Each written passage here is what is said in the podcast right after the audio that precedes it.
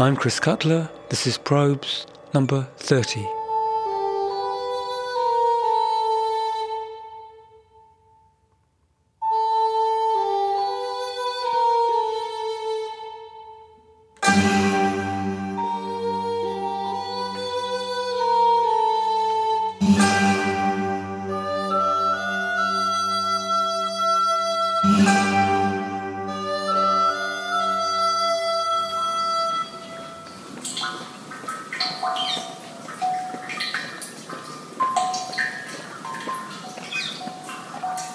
Has always been considered musical, but is seldom used as an instrument, although it has been used to power instruments. The classical Greek hydraulis, for instance, as well as being the first known keyboard instrument, was an organ driven by water.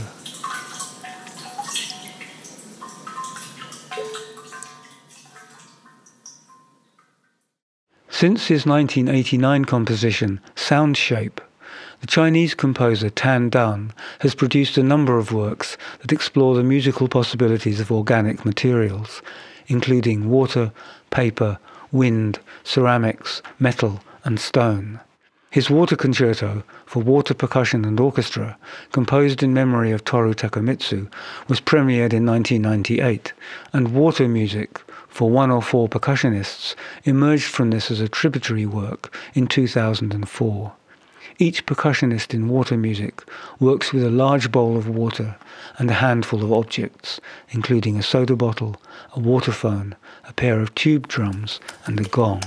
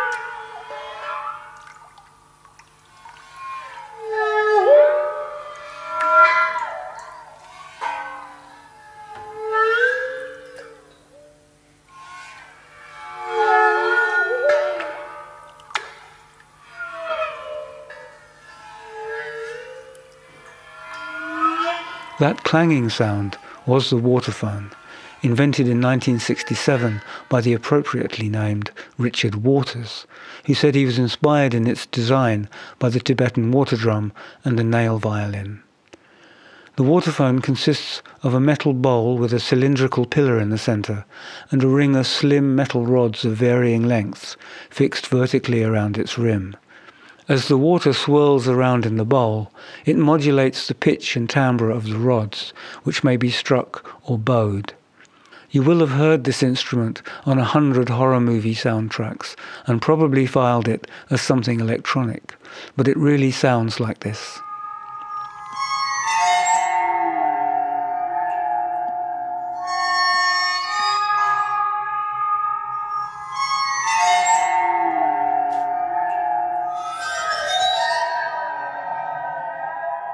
1992, the Russian percussionist Vladimir Tarasov set up a simple but effective installation that consisted of controlled water drips and an array of pots, pans, buckets, basins, and jars.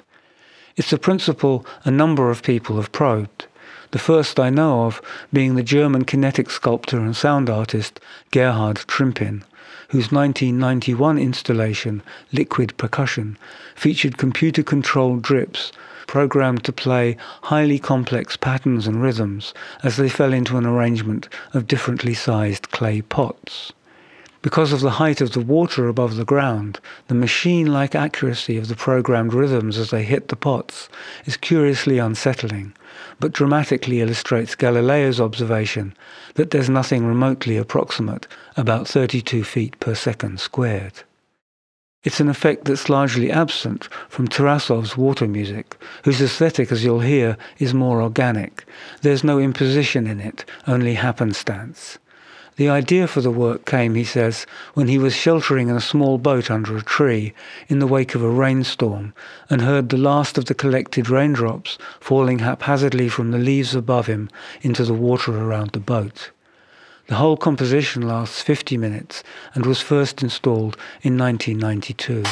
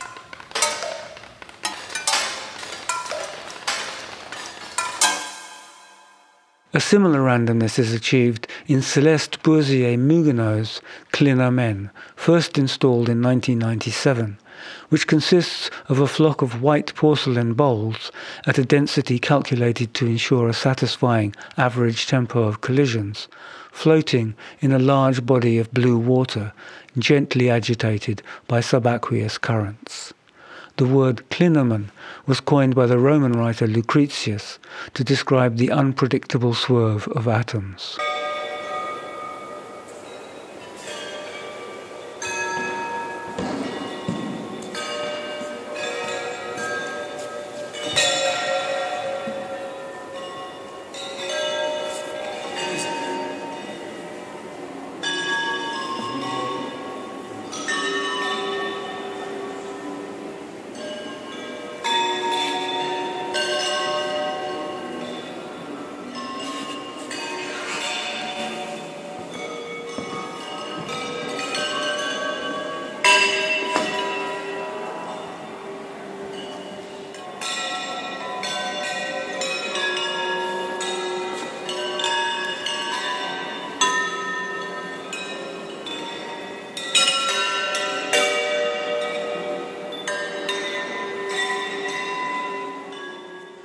And while we're skirting formal music, this is probably the place to mention John Cage's 1959 composition, Water Walk. Although there's not so much water involved, it is full of all the other things we've been talking about in recent programs.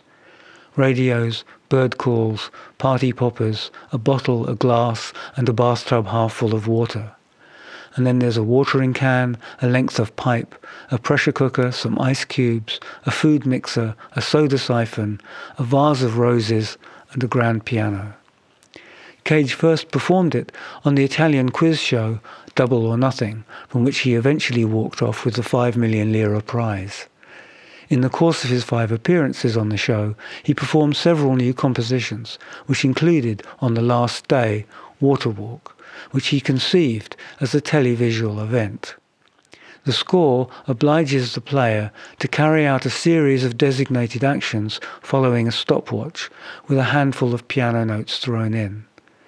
Here's a recent performance by the American percussionist Catalin King. I include it for historical rather than aesthetic reasons, and I'd say it's not really a listening piece so much as an audio-visual event.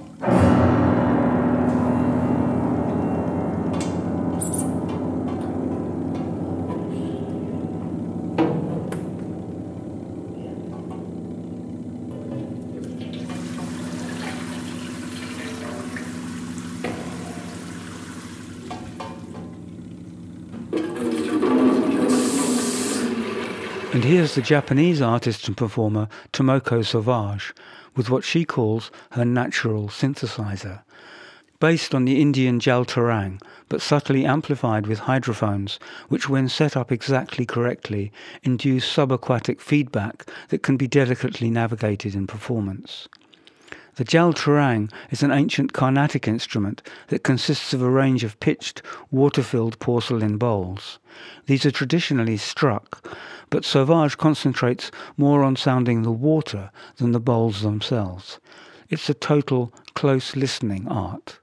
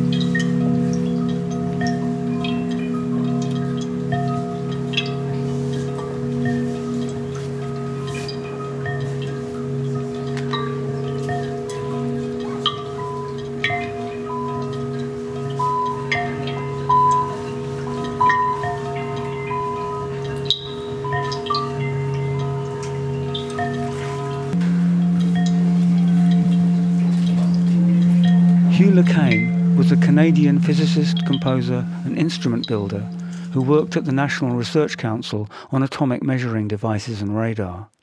But on the side, in his home, he set up a private electronic music studio presciently early. The electronic music studio in Köln wasn't established until 1951, and Pierre Schaeffer's work in Paris didn't really get underway until 1946 or 7. Le Caine started work in 1945. His electronic sackbut, one of the world's first synthesizers, emerged in 1948, and its success led the National Research Council to ask him to set up the Canadian Electronic Music Laboratory. He built his first special purpose tape recorder in 1955 this was able, unbelievably, to play six tapes simultaneously and change the playback speed of each tape independently before recombining the total sound into a single recording. He made this piece, Dripsody, as a test for the special purpose tape recorder, and it's still regarded as a classic of musique concrète since the entire work is generated from a single sound, one drop of water falling into a metal wastebasket, which was then looped and manipulated using the special purpose tape recorder linked to a customized keyboard to control the different tape speeds. It's included here because it's a groundbreaking work and it uses water as its sole ingredient.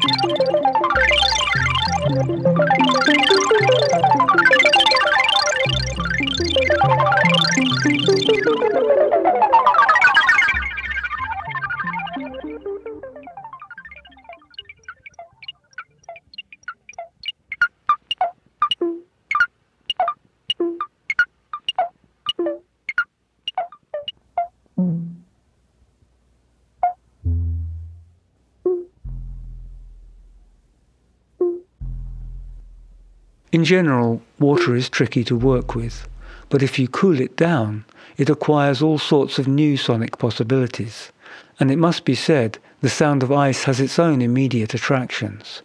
In fact, in 2003, the musician and recordist Peter Cusack made a whole record of the ice on Lake Baikal as it begins to thaw in the spring.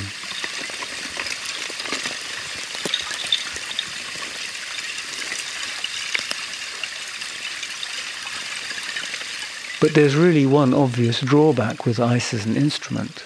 It melts and therefore goes out of tune and is hard to maintain. In season, however, many people have played or built instruments with it. In the ski town of Geilo in Norway, there's been an ice music festival every year since it was inaugurated by percussionist Terje Isungset and Paul Medhus in 2006 where not only the instruments, but all the buildings and the furniture, in fact, as much as possible, is made out of ice. But of all the ice pieces I've heard, the most interesting is this, by the Irkutsk percussion group Etnobit. It's not a composition and it's not a public performance. It's more the product of a chance encounter by a member of the ensemble with a particularly resonant spot on Lake Baikal. When he informed the group they immediately came back to the spot with video cameras and recording equipment and made recordings. This extract is from the finally edited video put online by the Siberian Times. Four people are playing in real time with a couple of ice crashing inserts.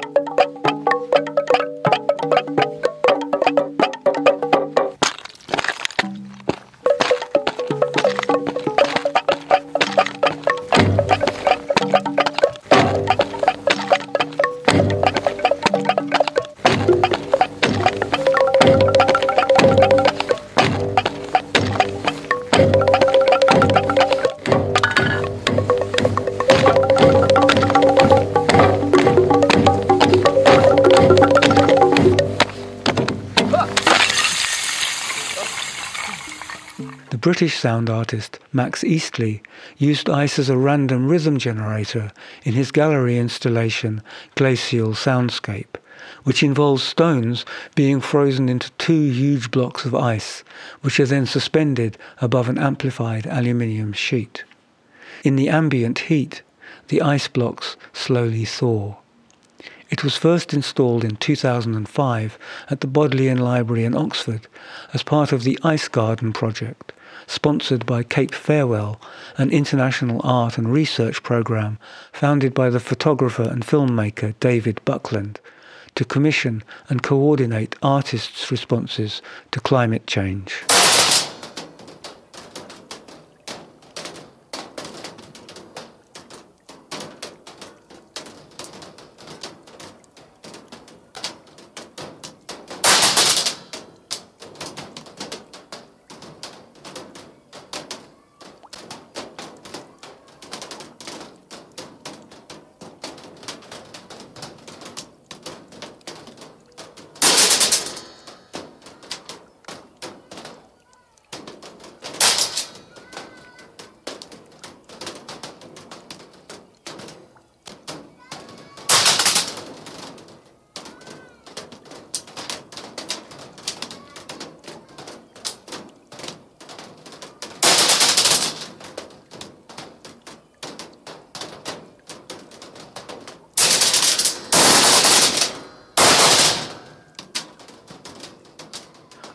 Shares some attributes with glass, a material that has seen a lot of musical use over time.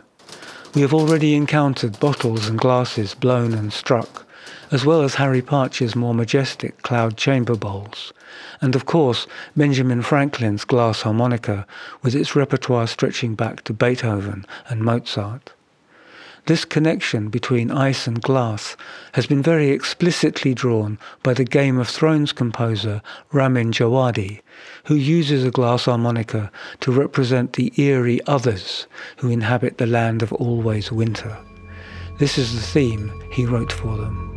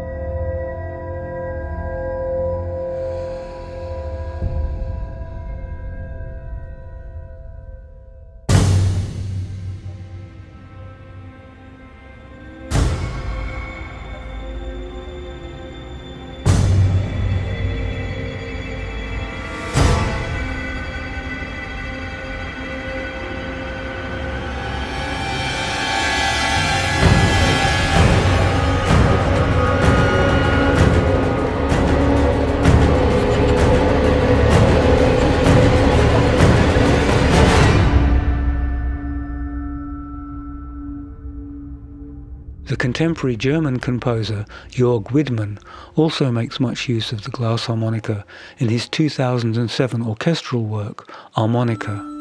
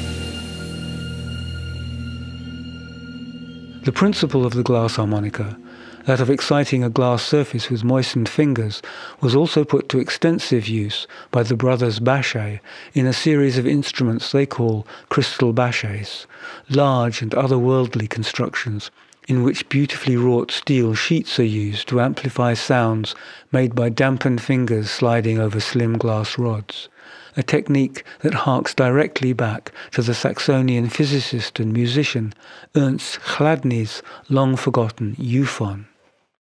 In a future program, we'll be taking a closer look at the whole family of Baschet instruments. But for now, here's a fellow Frenchman, Loup Barou, demonstrating the basics of the crystal Baschet.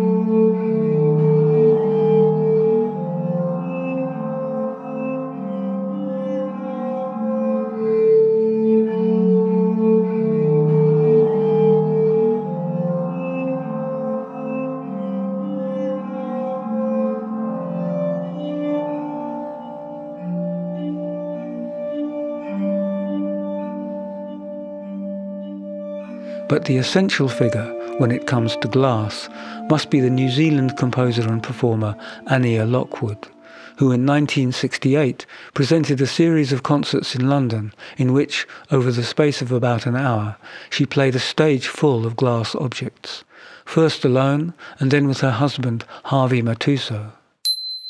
Yes, the Harvey Matusow, a man who really has the most extraordinary biography. I know legendary is a word far too easily deployed, but in the case of the Glass concerts, it's probably justified, since they made a deep and lasting impression on London's art and music community at the time. The whole performance was sequential, with events presented in 23 episodes. I can only play four short extracts here, but the whole work can be found on Lockwood's website.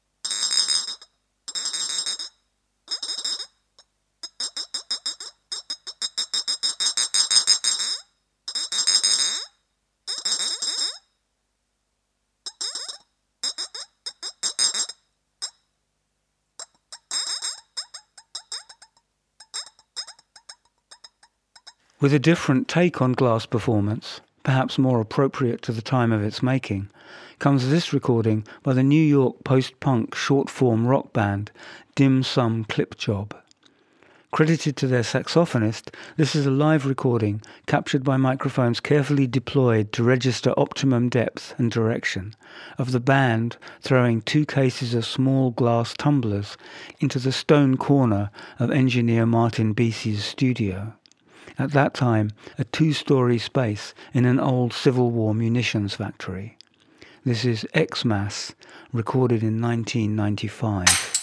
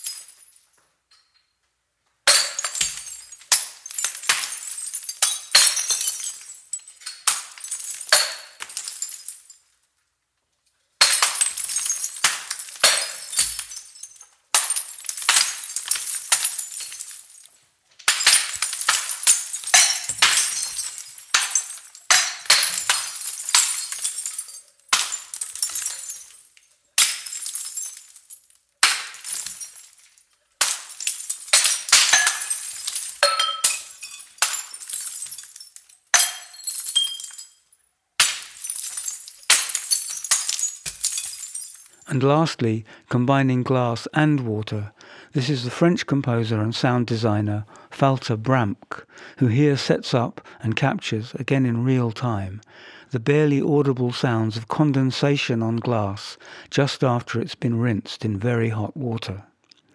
These are natural, untreated sounds. The polyrhythms are a result of several glasses being recorded at once.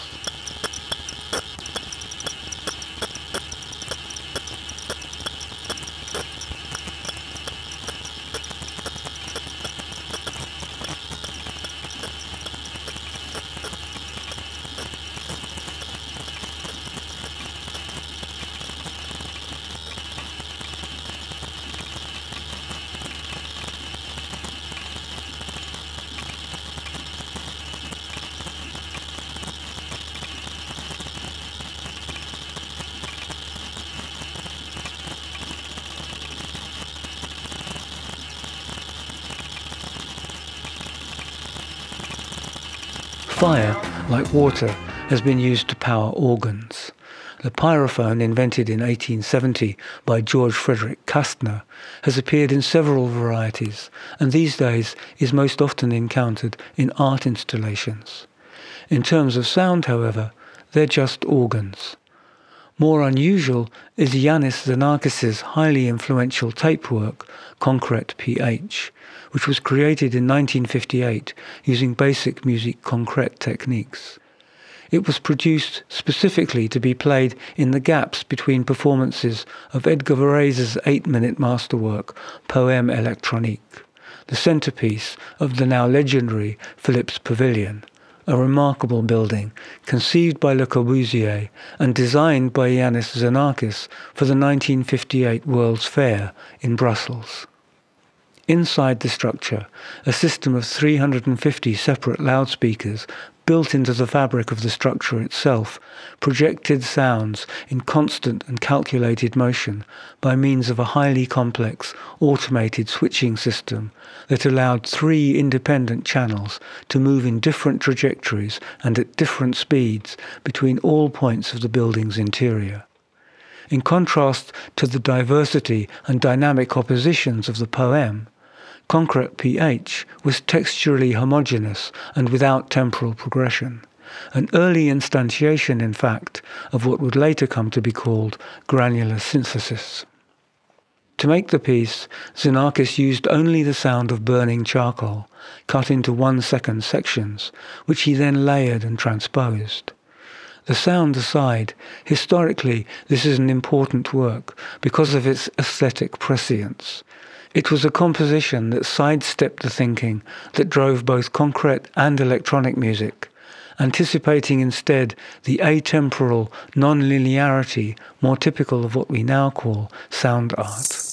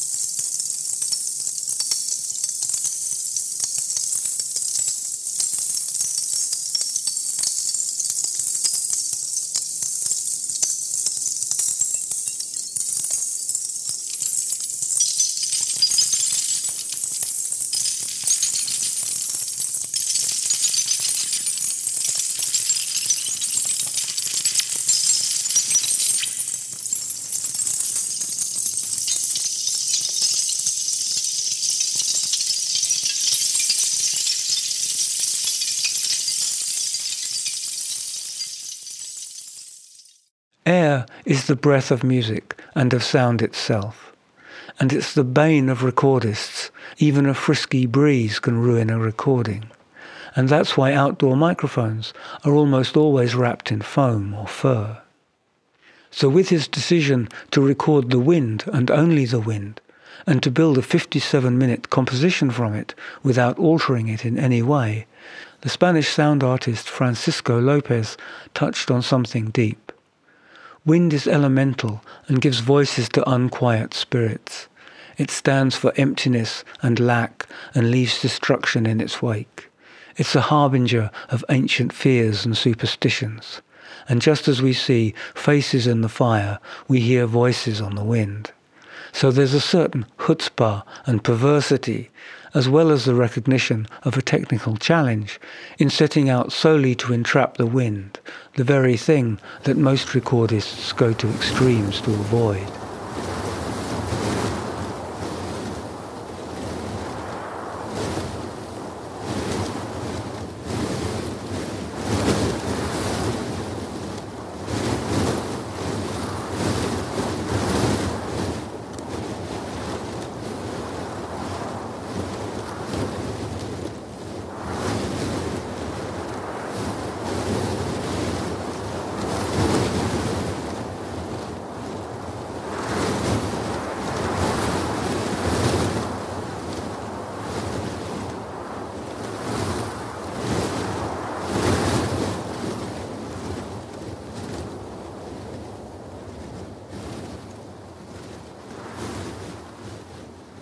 Much as water and fire have powered instruments, so has air.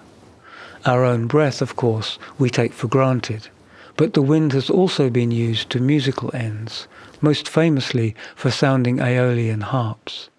These are zither-like sets of strings fitted onto a soundboard and placed anywhere the wind might set them into vibration. Although I read everywhere that this instrument has an ancient pedigree, the Greeks, the Indians, and the Asians are all supposed to have known it in antiquity. Until now, at least, I've been unable to find any supporting evidence for that. Certainly, the instrument as we know it today was invented in the middle of the 17th century by the German Jesuit scholar Athanasius Kircher, and his prototype has been the model for every variant since. The phenomenon itself, however, seems always to have been known. In fact, it could hardly be avoided, since it's heard whenever wind blows through any stretched ropes or wires, through the rigging of ships, for instance.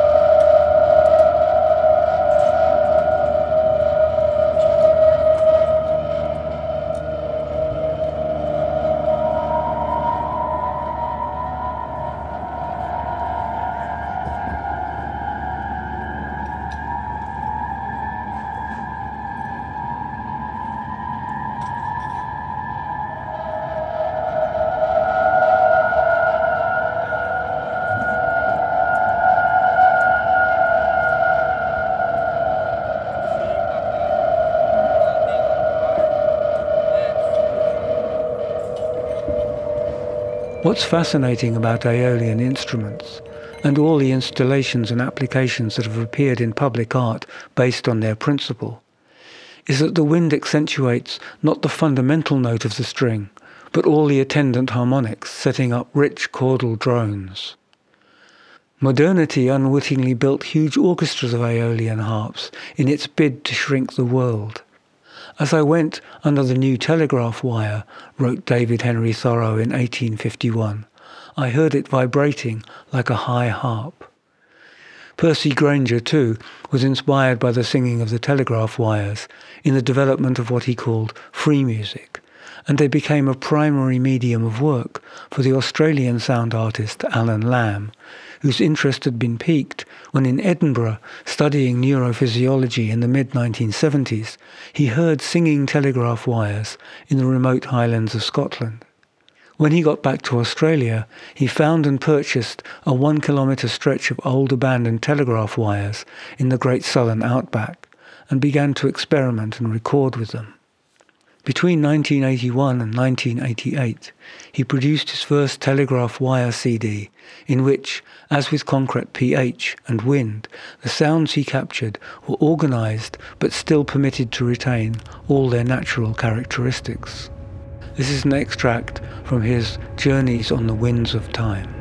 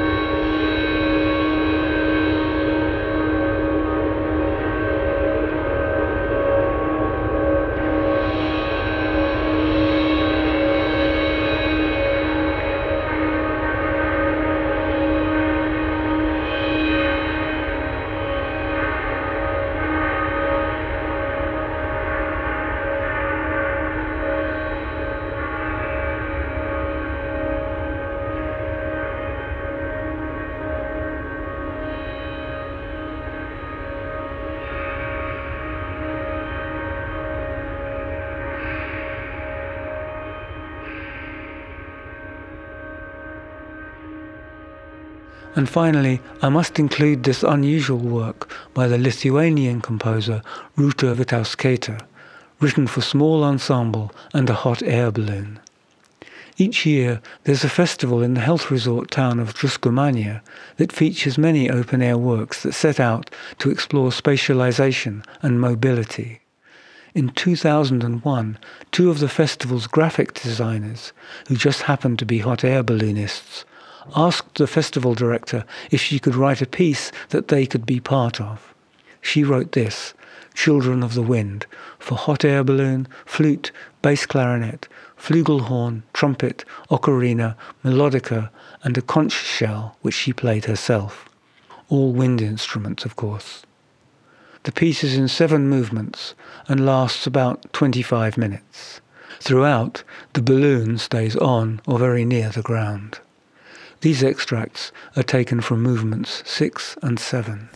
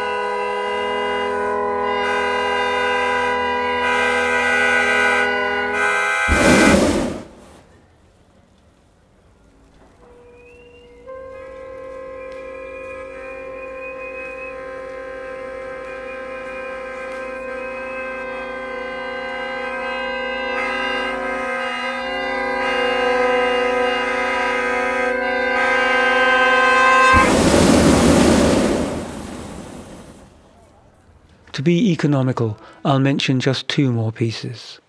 The first is by the German performer and sound artist Sergei Baghdassarians, whose 2007 installation Leerlauf, which loosely translates as freewheeling, consists of a very large number of empty plastic bottles, well over a hundred of them, and a strong sheet of glass.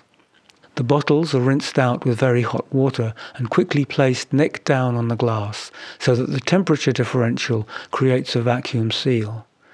Then, as the bottles cool, the slow movement of air between the outside and the inside produces sounds for up to 12 hours.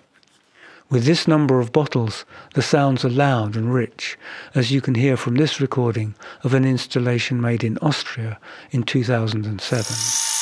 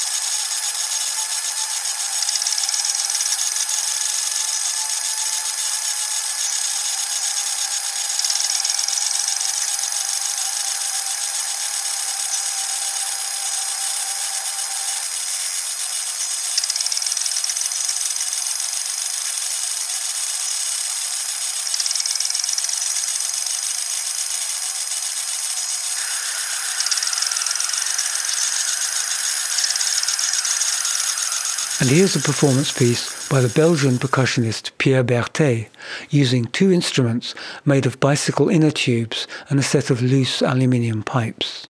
The inner tubes are connected to the business ends of two reversed hoovers, with the result that they sweep back and forward across the floor like happy dog's tails blowing air. Berthet then simply moves the ends of the aluminium pipes in front of them so that the air blast from the fast moving inner tubes creates a pattern of shifting blown bottle pitches.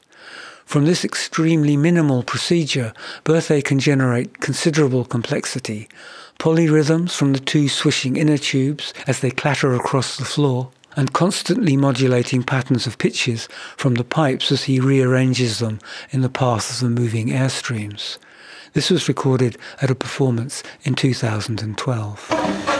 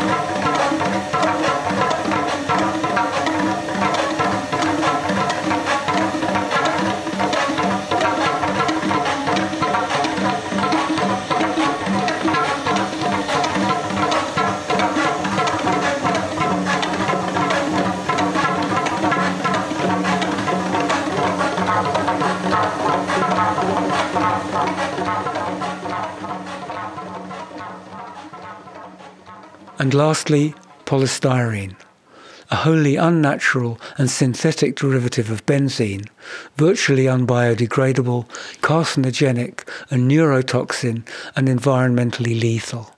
We make about 14 million tons of this stuff a year, so you can usually find some lying around. When bowed, it makes a sound close to what most of us would classify as ugly noise, and is especially penetrating in the very high frequencies. Improvisers like it because of its harmonic complexity and shock value. But here, in Styroporos, for violin, cello, clarinet, flute, and bowed polystyrene, the Canadian composer Thierry Tidrow is looking, he says, for the beauty in it and an explication of the dialectics of pitch and noise. The styrofoam, he says, strives to be beautiful, and the instruments strive to be impure. I am grateful to him for providing this private recording made at a concert in 2016.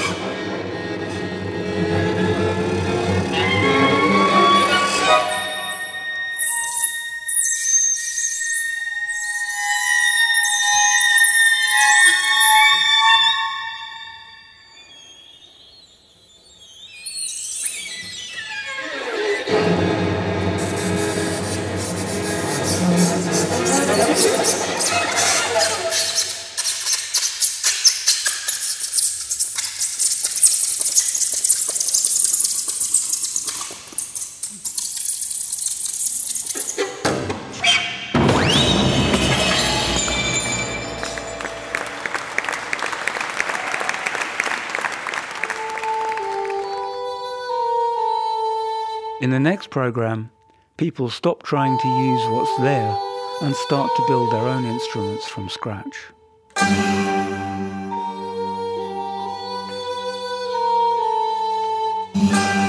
I'm Chris Cutler. This has been Probes.